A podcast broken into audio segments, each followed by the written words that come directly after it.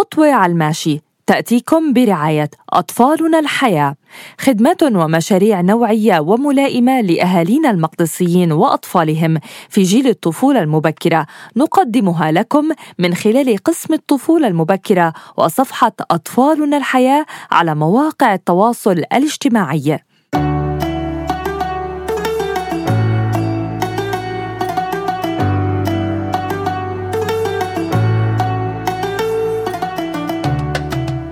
بيفصلنا يوم أو يومين عن عيد الفطر المبارك. من هلأ اسمحوا لنا نقول لكم كل عام وأنتم بخير.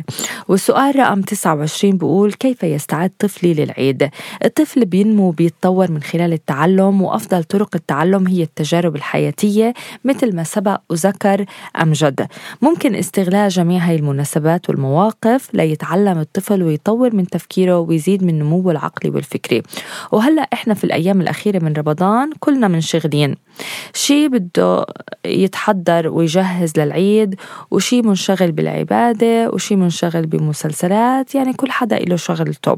وممكن بهاي الأوقات إنه نهمل أطفالنا وسط كل هذا الانشغال مع إنه الظروف بتدعي أكتر إنه نشاركهم ونزيد من مهاراتهم بهاي المشاركة لأنه هذا الشيء رح يخليهم يشعروا بالسعادة وهاي السعادة رح تصير مضاعفة عنا لما نشوف أولادنا وهن مبسوطين وعم بتجهزوا وبتحضروا.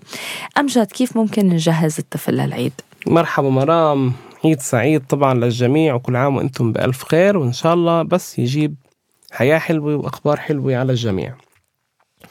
طبعا ذكرت أشياء كثير مهمة. كل واحد فينا عنده انشغالاته قبل العيد وهذا هو جواب السؤال أو هذا هو المفتاح.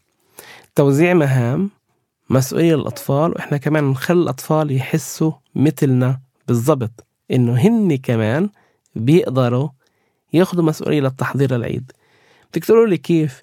كتير هوين غرفتهن قولوا لهن بدنا نجهز غرفتكم عشان تكون جاهزة للعيد. عشان تكون جاهزة للعيد؟ يعني الغرفة تكون مرتبة الغرفة تكون نظيفة. صدقيني حتى من عمر أربع سنوات تقدري وإنت تنظفي الأولاد يتعلموا ينظفوا غرفتهم بالعكس بنبسطوا بيكونوا مبسوطين.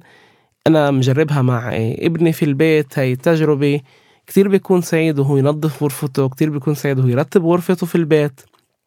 فهون كالتالي هو بيكون مبسوط وبكون مبسوط انه عم باخده مسؤولية. بهاي الطريقة اللي بدي أقول لك اياه إنه بدل ما الطفل يحس حاله إنه هو فيش اهتمام كافي بصير بده يعمل تحديات سلوكية عشان يلفت انتباهنا.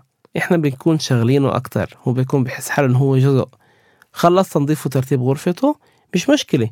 تعال ساعد في مهام البيت.